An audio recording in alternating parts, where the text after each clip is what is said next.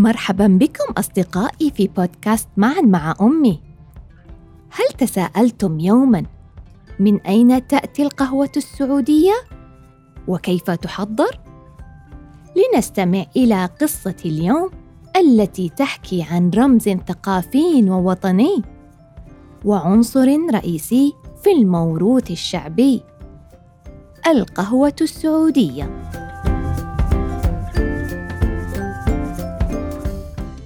الفلاح وشجرة البن العجيب. في قرية بعيدة فوق جبل عال جدا كانت مزرعة مليئة بكل أنواع الأشجار. يهتم بها فلاح نشيط ويستيقظ مع كل صباح يوم جديد ليقوم بمهامه في المزرعة.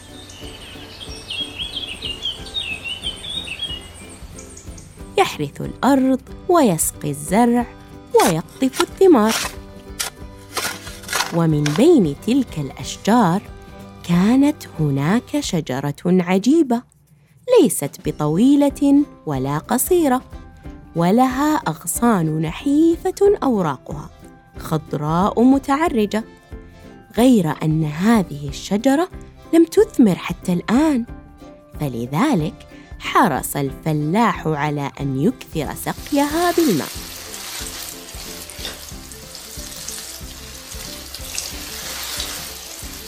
وفجأة في أحد الأيام الربيعية أزهرت الشجرة العجيبة زهورا بيضاء بهية.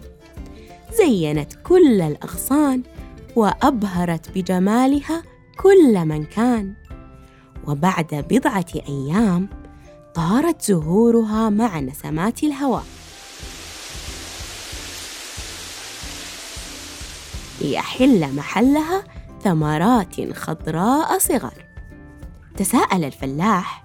هم يا ترى كيف هو طعم ثمرك يا شجرتي العجيبة؟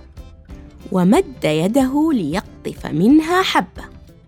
فجأة تمايلت الشجرة يمينا ويسارا. ويمينا ويسارا. ثم قالت لا لا لا يا فلاح ليس الآن فثماري لا تفارقني حتى تتغير الألوان. قال الفلاح أوه أعذريني يا شجرتي لم أكن أعلم فإني لم أصدق بأن تصبح لك ثمارا. ومنذ ذلك اليوم أصبحت هذه الشجرة العجيبة وثمارها الصغيرة شغله الشاغل. يراقبها كل يوم بانتظار أن تتغير الألوان. وفي صباح يوم جديد مر الفلاح على شجرته ليرى إذا تغير لون ثمارها. وقبل أن يبدأ الكلام صرخ من شدة الحماس. تغيرت الألوان. أصبح لون ثمارك أحمر داكنا الآن. وقبل أن يبدأ بقطف البن سأل الفلاح. هلا قلت لي يا شجرتي العجيبة من أين أتيت؟ ومن تكونين؟ ردت عليه الشجرة. أعيش على هذه الأرض منذ آلاف السنين. يتوارثني الأبناء من الآباء والأجداد الأولين وأول من اكتشفني رجل يرعى الأغنام فأكلت أغنامه من ثماري وأصبحت نشيطة.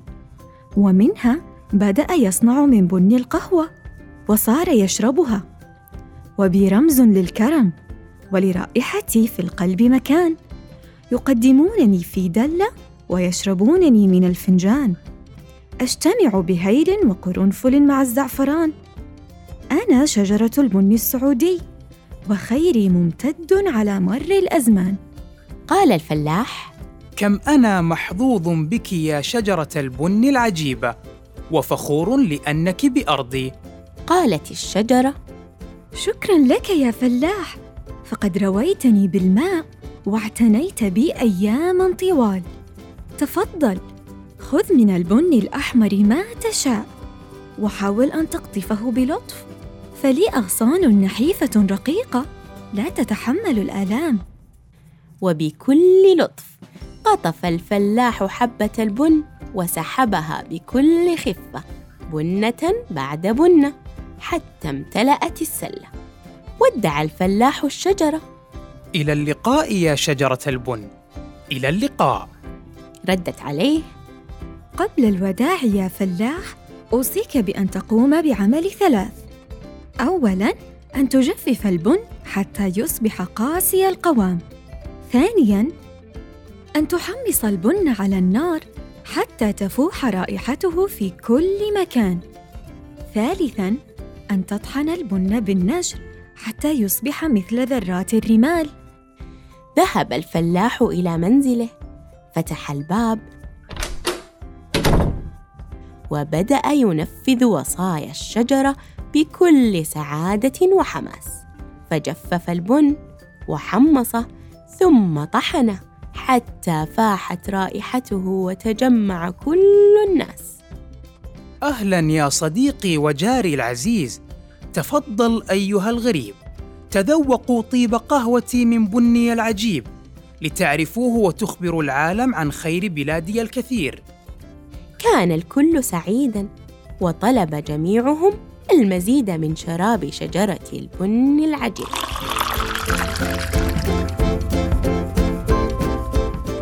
قرنفل هيل وزعفران بهارات يملأ عبقها الفنجان.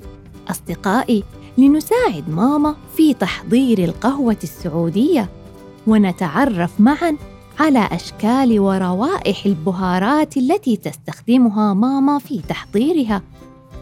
والآن فلنحضن أنفسنا ونردد سويا. أنا مثقف. أنا كريم. أحب نفسي. وأحب وطني. أنا قارئ اليوم. أنا قائد الغد. شكرا لكم على حسن استماعكم لهذه الحلقة. نلقاكم مجددا في بودكاست معا مع أمي من إثراء. دمتم في أمان الله.